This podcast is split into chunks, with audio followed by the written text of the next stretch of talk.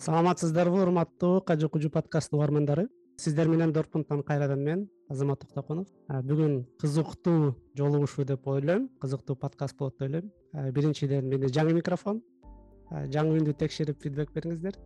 Экинчиден ушул кырк подкаст жаздыргандан бери биринчи жолу бизде мамлекеттик ишкер келди. Ошол мамлекеттик ишкер менен мамлекет жөнүндө сүйлөшөбүз. Анын үстүнөн биздин түз эфир жаздыруубуз дагы уланып атат бизде коноктор отурат ошол анан эми биздин конокко өтсөк бүгүнкү конокто медер рахман. Медер мырзанын ишинин айтылышы аябай узун экен мамлекеттик ишкерлер сыяктуу эле. Азыр мен түз эфирде түз айта албайм балким медер мырза өзү айтып берет каяктан иштейт ким болот кантип келген ал ишке. Медер мырза сөз сизде. Урматтуу азамат мырза саламатсыздарбы урматтуу мекендештер менин аты жөнүм медер рахман жашым кырк беште.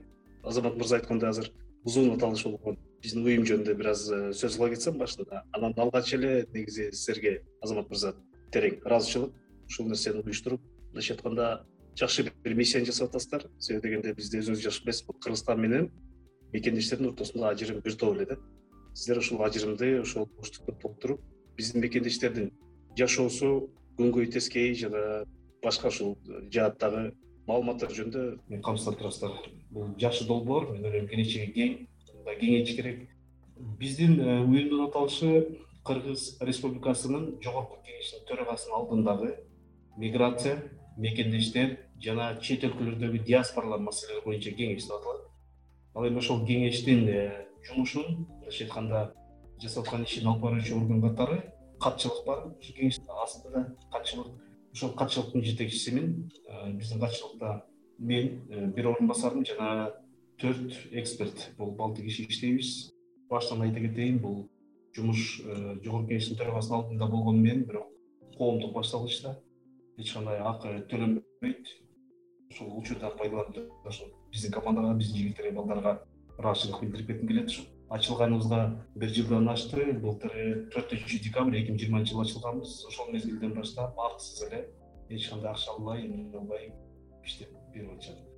Мен ойлойм бул дагы баягы келечекке болгон ушул миграция жаатында болгон долбоорлорду жылдырууда бир чоң бир кыргызстанга элге болгон пайдасы бар экенине могу ишенем. Түртүп атса керек ал азаматтар дагы ошодон пайдаланып дагы бир жолу ыраазычылык билдирип кетем жогоруда айткандай эле ошол э, былтыр төртүнчү декабрь эки миң жыйырманчы жылы түзүлгөн бул э, уюм миграция кеңеши деп коебуз кыска. Ушу миграция кеңешинин төрагасы өзү жогорку кеңештин төрагасы талант турмаш мамытов болуп эсептелет. Бир орун басары бар. Андан сырткары э, мүчөлөрү бар курамда миграция кеңешине курамына кирген бул биринчи кезекте ошол жогорку кеңештин депутаттары. Экинчиден ошол миграция жаатына тиешеси болгон мамлекеттик мекемелер уюмдар министрликтер. Үчүнчү блок бул эл аралык донор уюмдары жана бейөкмөттүү уюмдар. Ошол миграция жаатына тиешелүү болгон. Анан негизи биздин оюбуз боюнча ошол төртүнчү блок катары чет өлкөдө жүргөн диаспоралык уюмдарды коомдук бирикмелерди кошолу эмес бирок тилекке каршы өзүңүздөргө жакшы белгилүү болгондой ковид апаты күч алып алардын кыргызстанга келип кетүүсүнө чектөө болгондуктан ачылып аткан мезгилде дагы күчөп турган болчу. Ошол себептен эми жанагы кворум деген маселе бар бул жерге алар э, такай келип жыйындарга катышып маселени чечкенге жыйындарга негизинен катышканга чектелип калыптыр ошол себептен киргизе албадык. Бирок алар менен ушул онлайн жолугушууларда башка бир айталы аянтчаларда кызматташып такай иштешип турабыз. Негизи кандай десем бул э, жумушка кантип келип калганынан мен кыскараак айтып берейин. Эки миң он сегизинчи жылы жогорку кеңешке депутаттын консультанты катары келгем жумушка мамлекеттик кызматта бул жака келиштин дагы негизги себептеринин бири бул ошол жогорку кеңештин алдында ушул миграция жааты боюнча иш алып баралы деген максатым болгон.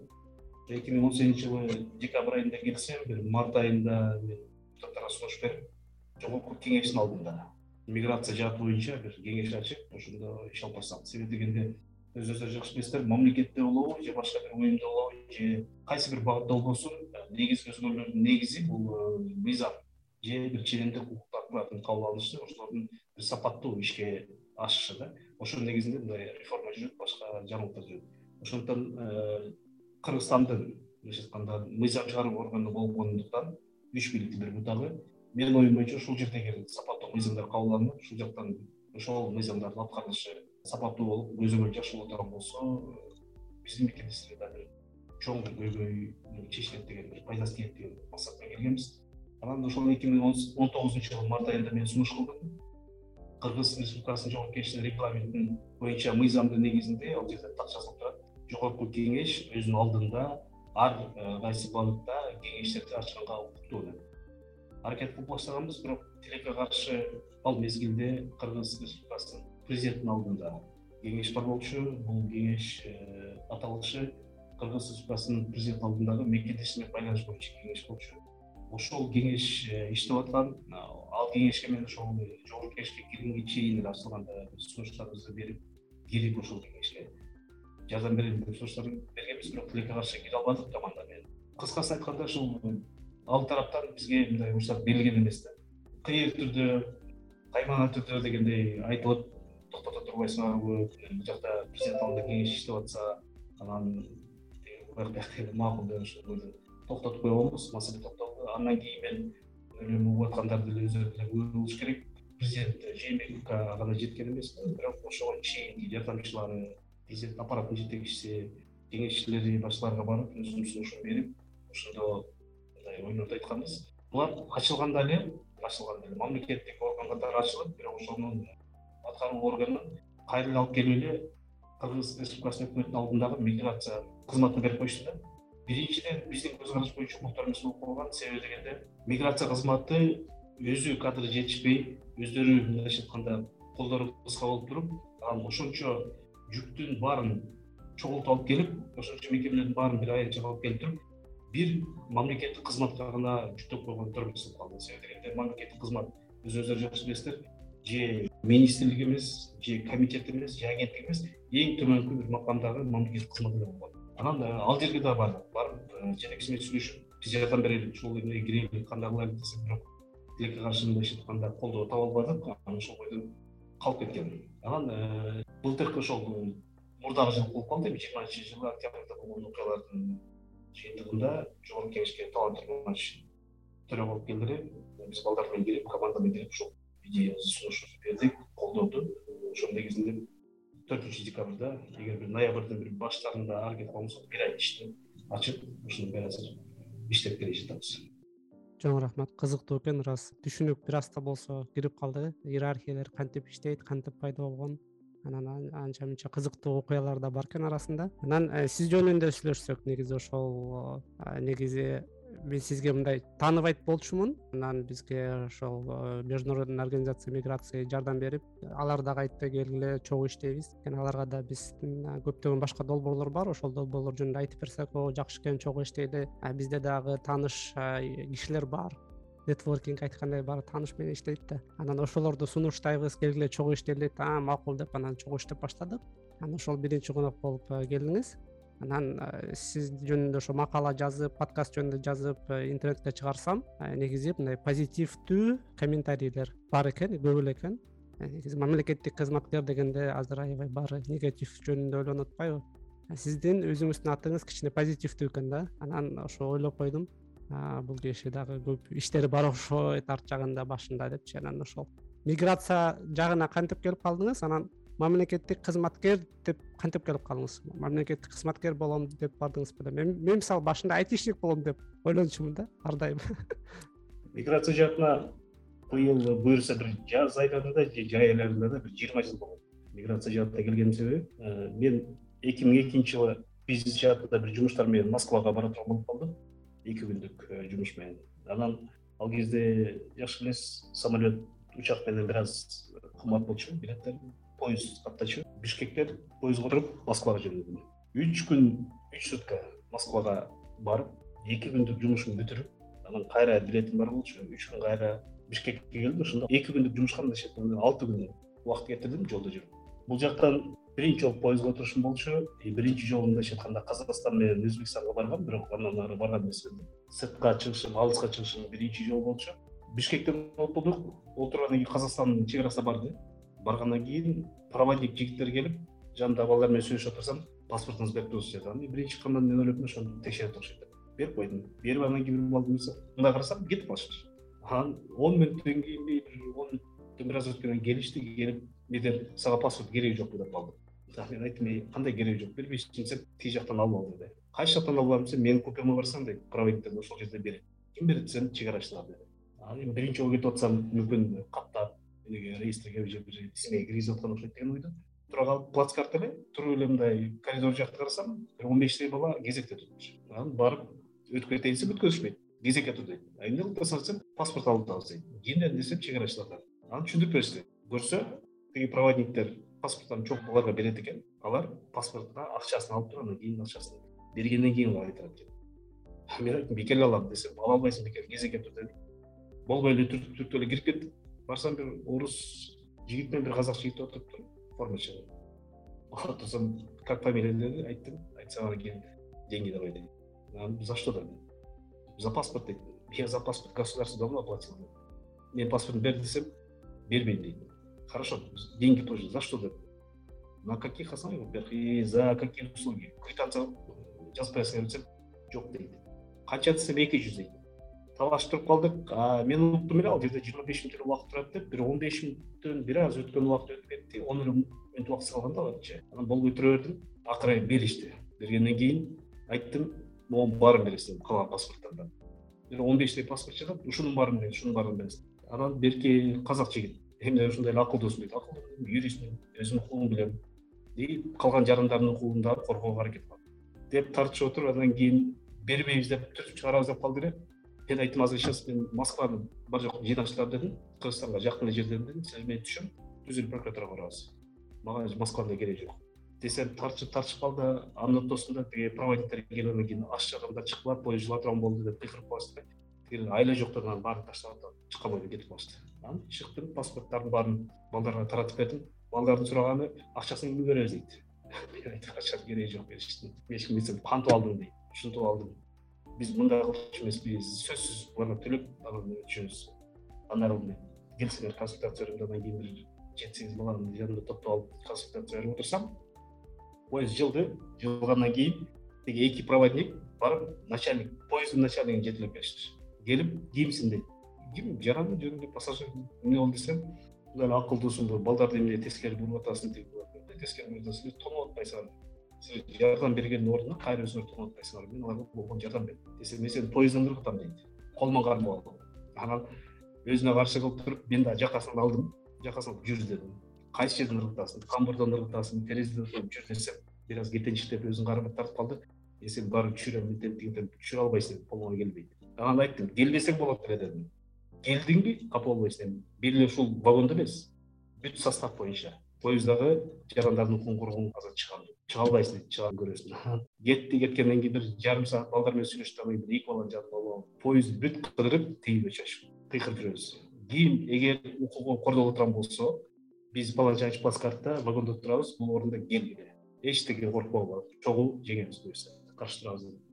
Ошентип э, үч сутка боло турган болсо күнүнө бир үч жолу төрт жолу ошентип кыдырып тигилер учуп алышпады тие алышпады башка кыла албады колдон келишинче аракет кылып ушулар консультация берип укугун коргоп москвага барып.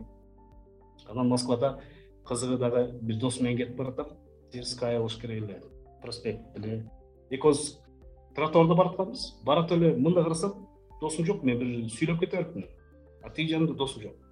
Анан төрт беш секундтан кийин бир подъездден чыгып келет анан сурадым эмне болду эмне кирип кеттиң эмне жумуш менен десем сен көрбөдүңбү дейт эмнени көрбөдүм тиги полиция келет алмаштан эмне болупту десем азыр экөөбүз салып кеттим сен костюмшуңду кийип алган үчүн сага тийбеди дейт а көрсө алыстан эле көргөн экен. Көрүп тиги подъездди кире ачыптыр да аны көрдүм андан башка дагы укук бузууларды көрдүм. Анан да кайттым. Кайтып келе жатып андан да көп тревожный нерселерди көрдүм. Пистолетчен балдар чыгып алгандарды көрдүм. Кыскасын айтканда биздин жарандардын бир токсон беш пайызы айылдан барат да. Айылда барган балдарга милициясы деле чек арачысы деле бажичи анча мынча чала криминал бандиттер деле удостоверение жасап алып куөлүк жасап алып анан мен ушундаймын тигиндеймин документиң барбы тигиң барбы деп тырыштырса болгон акчасын берип өзүнүн укугун билбегени үчүн ошондой абалга кабыл алышып кетет анан ушунчалык ызаланып ушунчалык тигилер менен тартышып эмне болуп келип бишкекке келер менен кыргыз темир жолу мамлекеттик ишканасына барып алардан кайсы мамлекеттерге кандай график менен кайсы саатта жумасына канча э, бир айда канча бир жылда канча поезд кетет канча жарандар ташыйт бүт маалыматты алдым дагы ошонун негизинен андан кийин президент аскар акаевге кат жаздым ушундай көйгөй бар экен. Биздин жарандар поезддагы укугун коргоо боюнча ушуга жардам бериңиз деп. Эч кандай жооп болбоду мага эч ким жооп бербеди кат деле келбеди ошол бойдон маселе калып кетти. Анан э, ошентип колдон келишинче аракет кылып ал жактан бул жактан эмне кылып жүрдүм бирок эки миң төртүнчү жылы кудайдын буйругу менен москвага аспирантурага окуганга бардым. Анда да поезд менен кеттим. Келинчегим экөөбүз кеткенбиз. Анда дагы бир аз көрдүм. Эч кандай эч нерсе өзгөрбөптүр эки жылдын ичинде барып ал жерде аспирантурага документтерди тапшырып койдум дагы. Ошол жерде институт товароведения и конъюнктура оптового рынка деген институт бар экен бул иткор деп коет эле эсиңиздерде болсо илгери э, сссрдин астында главснаб деген мекеме болгон. Сссрде главснаб деп ошонун астында түзүлгөн институт экен. Менин негизги максатым ошол илгери баягы э, загад контора деген болчу айыл чарба азыктарын мамлекет топтоп алып туруп чет мамлекетке сатып ошентип э, айыл чарба продукциясын өндүрүүгө э, экспорттоого жардам беришти. Мен ошол системаны изилдейм деп атайын барып документтерди тапшырып койдум. Тапшыргандан кийин сентябрга чейин убактым бар эле бир ай чыдадым акча түгөндү. Анан туугандарга тааныштарга кайрыла баштадым жумуш барбы жумуш болсо иштеп туралык сабак башталачы окуу башталачы андан кийин ичимде жакшы жумуштар чыкпай атты да? Анан э, бир таанышыбыз бар эле ошол айтып калды сен мындай билим менен мындай деңгээлиң менен сен мен айткан жумуштарга барбайсың киши күтөт бир аз жакшы жумуштар чыгат ошону мен сунуштайм деп калды бир жума өттү кайра чалдым дагы бир он күн өттү кайра чалдым акыры чыдабадым мен айттым баардыгына даярмын дедим. Акча калбады жан багыш керек кайсы кайсы иштей берем дедим.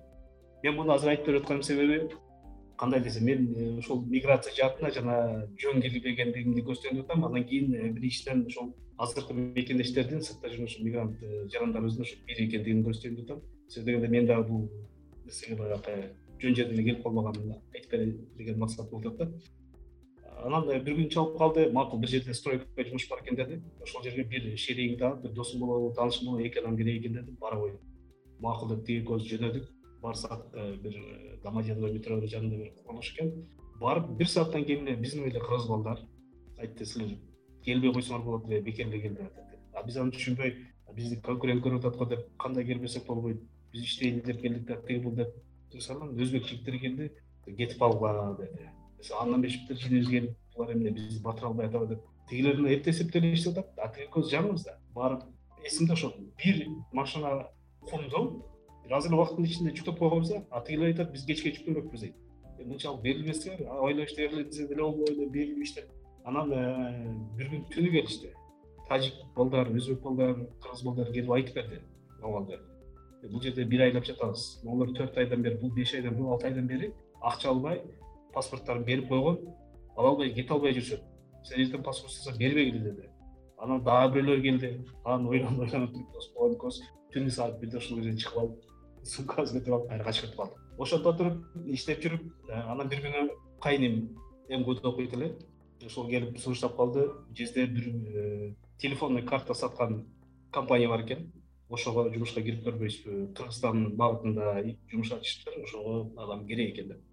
Анан макул деп бардым барсам ошо биздин эле кыргызстандык балдар ачкан компания экен. Москвада жүргөндөр болсо эсинде болсо керек. Э, эки миң экинчи жылы уюлдук эки миң төртүнчү жылдары уюлдук телефон эми эле чыккан болчу үйгө кыргызстанга чалуу аябай кымбат болчу. Анан э, телефонный карта чыгарат экен баары м транзит деген. Өзбекстан кыргызстан тажикстан и казакстанга ар бир картанын сыртында ошол ар бир мамлекеттин өзүнүн желеги бар.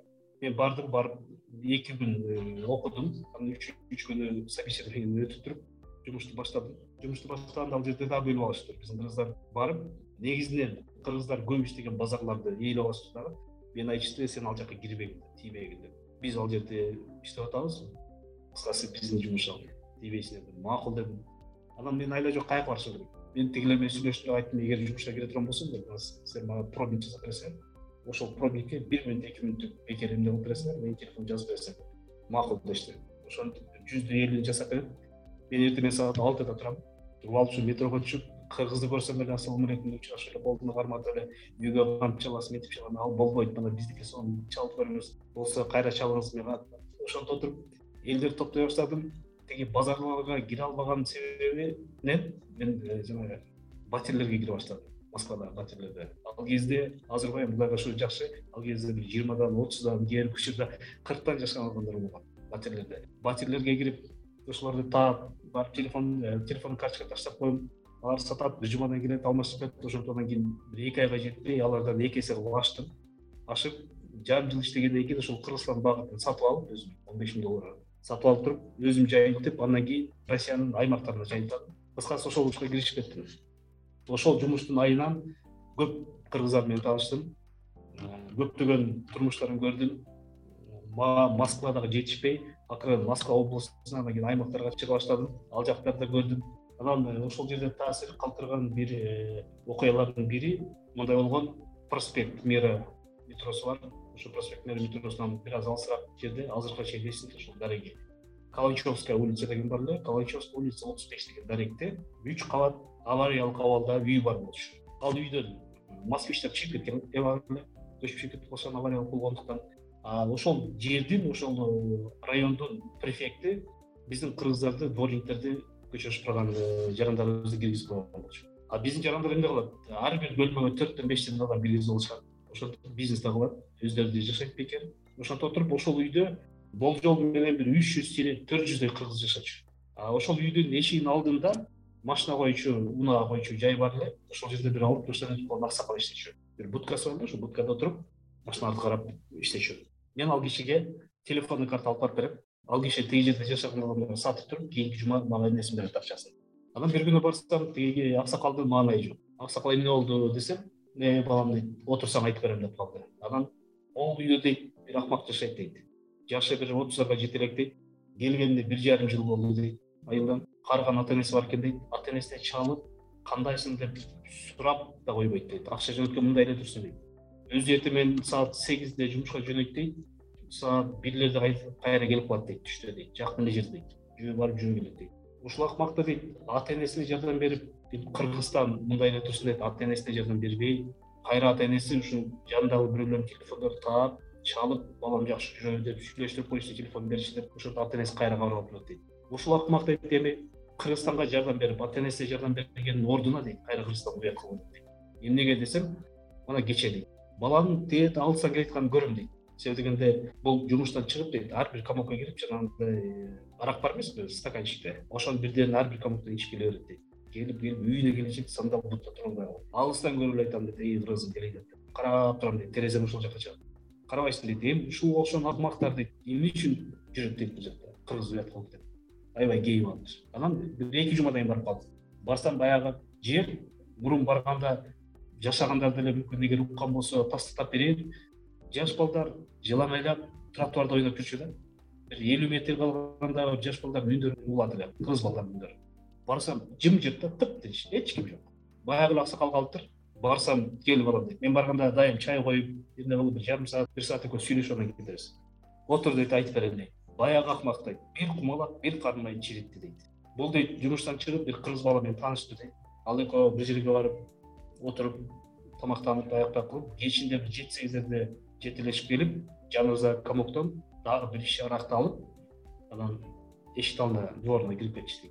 Анан түнкү саат он экиде дейт бир маалда эле омон пожарный бүт эмнелер ызылдап чыгып калышты кошуналар барсам дейт көрсө тиги короодо отуруп арак ичип отуруп чакырып келген коногун уруп коюптур. Сабап коюп үйүнө кире башлаган экен а тиги коногу анын кайсы жерде жашаганын билбейт ошол биринчи кабатта жашайм дегенин угуп калган экен артынан кубалап эле таппай калыптыр караңгы дейт. Ар бир эшикти тепкилеп жүрүптүр эч ким ачпаптыр анан сыртка чыгып бир таяк таап алып биринчи кабаттагы терезенин баарын талкалап чыгыптыр түнкү саат он эки бирде.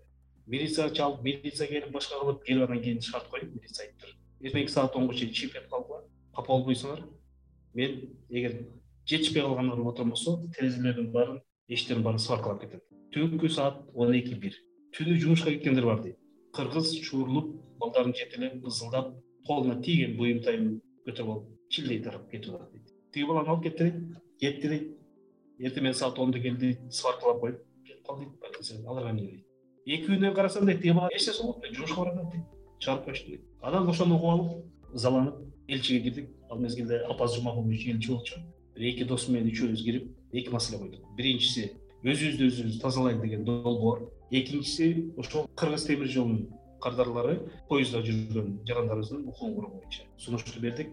Экинчи маселени түшүндүм. Балам дейт бул көйгөй бар дейт аракет кылып атабыз. Кудай буюрса чечебиз деди. Аксакал биринчи маселени түшүнбөдүм деди. Эле жана окуяны айтып бердим ошо ошого акмактар дедим күтүп отурбай башка кылып отурбай өз өзүнө тызылып эле бир эки административдик жаза чыгат. Ошону негизинде депортация кылып туруп кыргызстанга баргандан кийин ал бул жака кайтпай турган тышкы иштер министрлиги аркылуу көзөмөлдөп бериңиздер десек жакшы нерсе экен жакшы нерсе ойлонойлу тиги бул жака бир айдан кийин келдим деп бир айдан кийин барып короче кире албай койдук кайра элчиге ошол бойдон ошол маселе калып кетти. Ошону менен жүрүп жүрүп бул э, маселени көтөрдүк. Андан кийин дагы бир эки үч жолу көтөрдүк. Бирок тилекке каршы чечилбеди анан эки миң алтынчы жылы кыргыз республикасынын тышкы иштер министрлигинин кыргызстандын екатеринбург шаарындагы баш консулдугу бар ошол жака жумушка чакырып калышты техникалык жумушка. Дипломат эмес техникалык кат жазып башка жардам бергенге анан ал жерде иштеп жүрүп э, бир жарым жылдан кийин дипломаттык кызмат бошоду эле.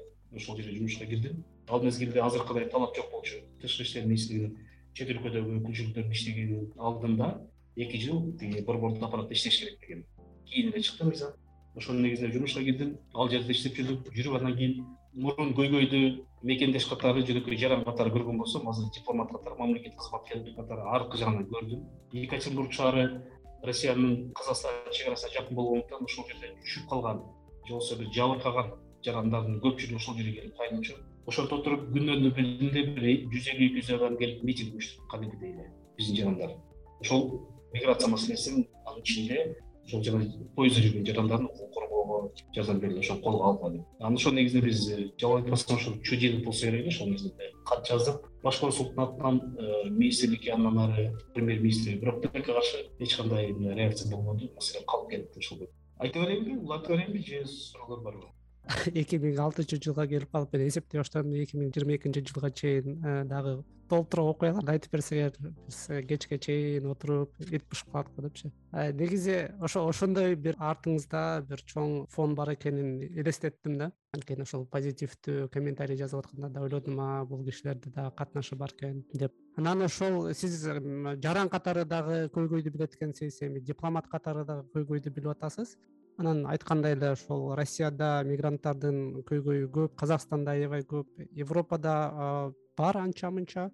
Бирок эмнегедир көйгөй болгондо өткөндө мага чалышты да ушинтип. Сизого түшүп калдым кантип жардам бере аласың дейт мен жөн эле айтишникмин мына консулдун номери ушуга чал деп. Анын үстүнө биздин консул э, анан элчилик жакшы иштешет.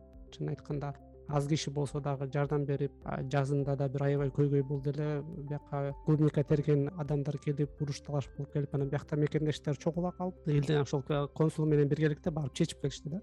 Анан ар кандай ушундай көйгөйлөр болот анан эптеп кыргыздар чогулганда жардам бергенди жакшы көрөбүзбү билбейм чогулуп акча чогулта алышат же болбосо ар кандай көйгөйлөрдү чече беришет да.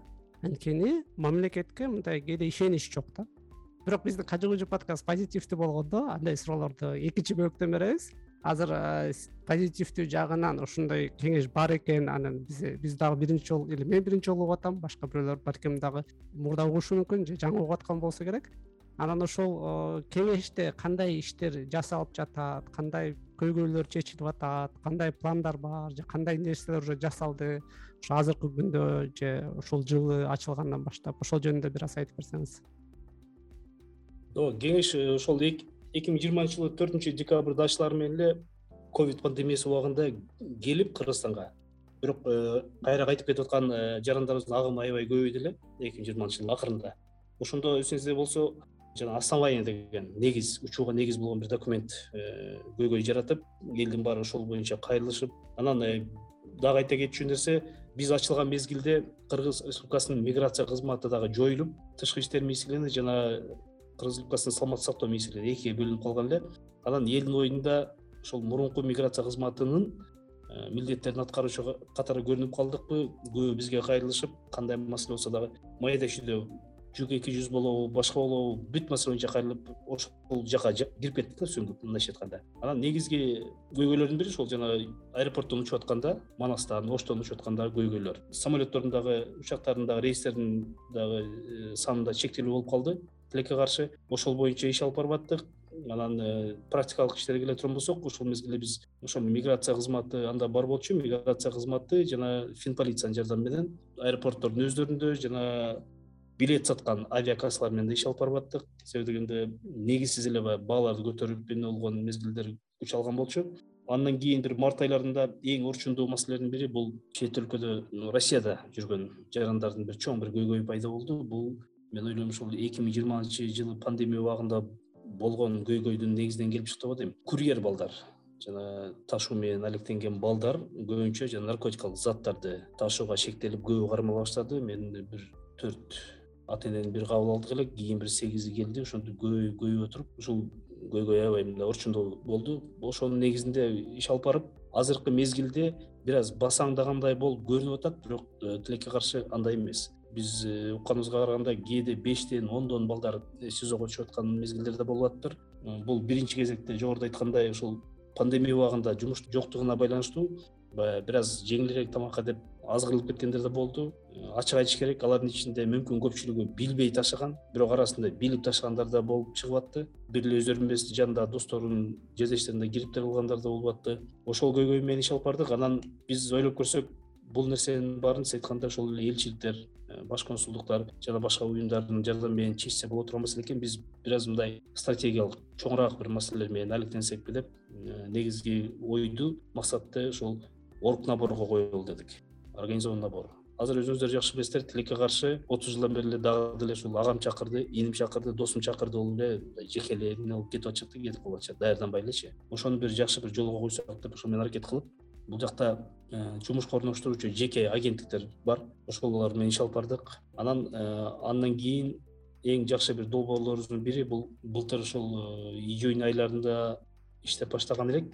Бул icmpd деген организация бар. Австрияда венада турат. Ошолор менен байланышка чыгып ошолор менен сентябрь айында барып меморандумга кол коюп келдик ал меморандумдун негизинде кудай буюрса ош жана бишкек шаарларында миграциялык ресурстук борборлорду ачууну пландаштырып атабыз кечээ өткөн жума деле сүйлөшүп байланышып биринчи транш буюрса февралдын аягында марттын баштарында келет кудай буюрса ага биринчи кезекте эле ошту ачалы деп атабыз себеби дегенде ош албат баткенде мындай биздин мекендештер көбүрөөк кеткен да ошол жака көңүл буруп андан кийин бишкекти ачып алсак кудай буюрса анан э, кийинки жылдардан кудай буюрса буну ушул эки эле борборду ылдыйраак түшүрүп ушул райондорго чейин түшүрүп алсак себеби дегенде биздин жарандар тилекке каршы дагы деле ушул элементардуу тилди ошол бара турган мамлекеттин мыйзамдарын миграция мыйзамдарын жана ошол мамлекеттин элинин маданиятын билбей туруп эле түшүнбөй эле кетип калып атабыз да. Ошолорду бир окутууга миграция алдындагы даярдоо предвыездная миграционная подготовка. Ушу менен алек болуп бир көңүл буруп ушуну жолго коелу деп максат кылып атабыз. Кудай буюрса андан сырткары дагы бир жакшы долбоорлордун бири биз былтыр ушул август айында симуляционный тренингке да катыштык ошону уюштуруучулардын бири болдук обсе менен чогуу симуляционный тренингде бул жерде адам сатууну алдын алуу боюнча бир катар иш аракеттерди көрсөттүк. Э, симуляционный тренинг деген бул ошол көйгөйлөрдү театралдаштыруу жолу менен ачык мындай көрсөтүү да. Ошол э, көйгөйлөрдү ошол театрга ошол былайча айтканда симуляционный тренингке кадимкидей эле ошол прокуратура органдары укук коргоо органдарынын башка ички иштер министрлигинин кызматкерлери баары катышышты өздөрү. Кадимкидей эле тергөөчү сот тигилары катышып ал эми мекендештердин ролун болсо биздин актерлор ойношту дагы ошол жерде спектакль түрүндө театралдаштырылган түрүндө көрсөтүп эмне көйгөй бар экенин кантип чечсе болот ким аркылуу кимге таянса болот ошонун баарын мындай көрсөтүп алдык да чоң эмелердин бири. Анан былтыр биздин америкадагы өкүлдөрүбүз тараптан чакыруу болуп сентябрь айында төртүнчү тогузунчу сентябрларда булар эмне уюштурду эле америкадагы жарандардын биздин мекендештердин баарынын башын бириктирип чогултуп ушул жерде кыргыз республикасынын эгемендүүлүк күнүнө карата жыйын уюштурушкан чикаго шаарында ошол жака чакыруу болду эле тилекке каршы ошол эле мезгилде бизге ушул австриядан icmpден чакыруу болуп калгандыктан ал жака бара албадык. Кудай буюрса быйыл ушул жыйырма биринчи мартка дагы бир чоң маареке уюштурабыз деп атышат. Ошого барганга аракет кылабыз. Анан э, негизги максаттардын бири ошол биз ушул жогоруда айтып кеткендей орг наборго көңүл буралы деп атабыз. Жана орг набордун ичинде көп нерсе бар. Негизги багыттардын бири бул ошол эле биздин мекендештерди сыртка чыгып бараткан мекендештерди техникалык кесип менен камсыздоо ошого ээ кылуу. Себеби дегенде жөн эле чыгып кетип калып атышат даярданбай эле башка албай эле. Эгер ошол кесиптик техникалык лицейлерди жандандырып ошол жерде билим алдырып ошол жерден чыгара турган болсок жөн эле мындай чыгарып ошол бойдон кетирип койбой андан ары дагы алар менен байланыш түзүп ошолорду ошол жерде ордунда ошол эле мисалы россиянын эсебинен же болбосо ушу европанын мекемелеринин эсебинен адистигин көтөрүп квалификациясын көтөрүп эртең күнү кыргызстанга кайтып келип ошолор кыргызстандын экономикасын көтөрө турган кадр сыяктуу кылып дагы даярдап кармап турушубуз керек. Ушул нерселерге көңүл буралы деп атабыз буюрса анан жакшы экен. Чындап эле азыр европада дагы адистер жетишсиз. Германияда аябай көп адистер жетишсиз болгондуктан булар визалык ар кандай нерселерди жөнөкөйлөтүп көп ошол орто азиядан негизи үчүнчү дүйнөдөн деп коет ошолордон чакырып келип иштетип атышат. Албетте көп адамдар өздөрүнүн укуктарын билбей кээде баягы жөн эле о мен европага барып эс алып келем деген сыяктуу ойлоп келип алып анан аябай көп кыйналышат. Анан бул жакта биздин мекендештерибиз дагы өзүн ошо өзүлөрү чуркап жардам берип кандай кылыш керек. Ар кандай жолугушууларды өткөрүп инстаграм лайфтарды өткөрүп ютубта видеолор жазып ушинтип айтып берип атышат. Бул фирмага ишенсеңер болот буга ишенбегиле даярданып келгиле окугула. Негизи биз европада германияда көбүнчө баягы билимге басым жасалат. Окугула окусаңар иштейсиңер. Анткени биякта окуусу жок жумуш жок деген сыяктуу да. Анан ошол катчы раз көп иштерди акырындан жасап атыптыр. Менин оюмча ошол диаспоралар менен иштөө чет өлкөдө мекендештер менен иштөө дагы бүгүнкү жолугушуу ошол болот окшойт. Бири менен баягы байланыш түзүп иштеп баштасак сиздер америкалык кыргыздар менен иштейин деген максатыңар бар экен. Ал жакта дагы аябай көп активдүү кыргыздар бар. Чикаго экинчи кыргызстан болуш керек. Биз дагы ал жактагылар менен чогуу иштешебиз. Анан абдан сонун ушинтип келгениңизге дагы болсо көп байланышта болот болушубуз керек. Азыр аяктап баратат окшойбуз. Убакыт келип. Анан экинчи бөлүк бар. Бул жака биздин ошол диаспоралардын өкүлдөрү да келген. Мисалы биякта биайцет уюму бар аябай күчтүү уюм болуп атат. Алар дагы ошол эки миң он алтынчы жылы август айында москвада шаардагы жанагы басмаканада өрт чыкпады беле ошол жакта он жети адам каза болуп анан алардын ичинен он төрт адам мигрант кыргыздар болгон да ошол жок биз да ушуну уюм ачышыбыз керек экен деп алар дагы уюм ачып аябай көп иштерди жасайт. Азыр экинчи бөлүктө аларга дагы сөз беребиз. Негизи ошол максаттарыбыз ойлорубуз бир эле экен кыргыз болуп кыргызстандык болгондо бири бирибизге жардам берип оор убакыт болгондо келип турганга деп. Чоң рахмат сизге мер мырза келгениңизге. Рахмат. Кызыктуу окуяларды айтып бердиңиз эми шашпай аны подкасттан угуп элдер күлүп оо ушундай болуптур кээ бирлер эле айтпош керек. Айта кетчү нерсе дагы бул подкаст ошол швейцария өнүктүрүү агенттиги тарабынан жана миграция боюнча эл аралык уюму анан бириккен улуттар уюмунун өнүктүрүү программасы менен биргеликте ишке ашырылды ушундай узун сөздөр. Мамлекеттикпен иштегенде дагы узун сөздөр. Бизде ойбой эле подкастер. Все бүттү айтишник бирок эмнеси болсо дагы ошол биргеликте иштеп бир кандай бир көйгөйлөр бар алдыбызда ошол чет өлкөдө кетип аткан өзүнүн укуктарын билип кээ бирлер сатылып да кетип атат кээ бирлер көп нерсени да биз билбей атабыз. Ошону болсо акырындан алып чыгып айтып берип ушундай бар экен ушундай көйгөйлөр бар экен келгиле ошону биргеликте чечели деген максат менен жаздырып атабыз. Рахмат. Чоң рахмат. Ушу менен биздин подкастты аяктайт. Оорубаңыздар сак саламатта калыңыздар. Жакшы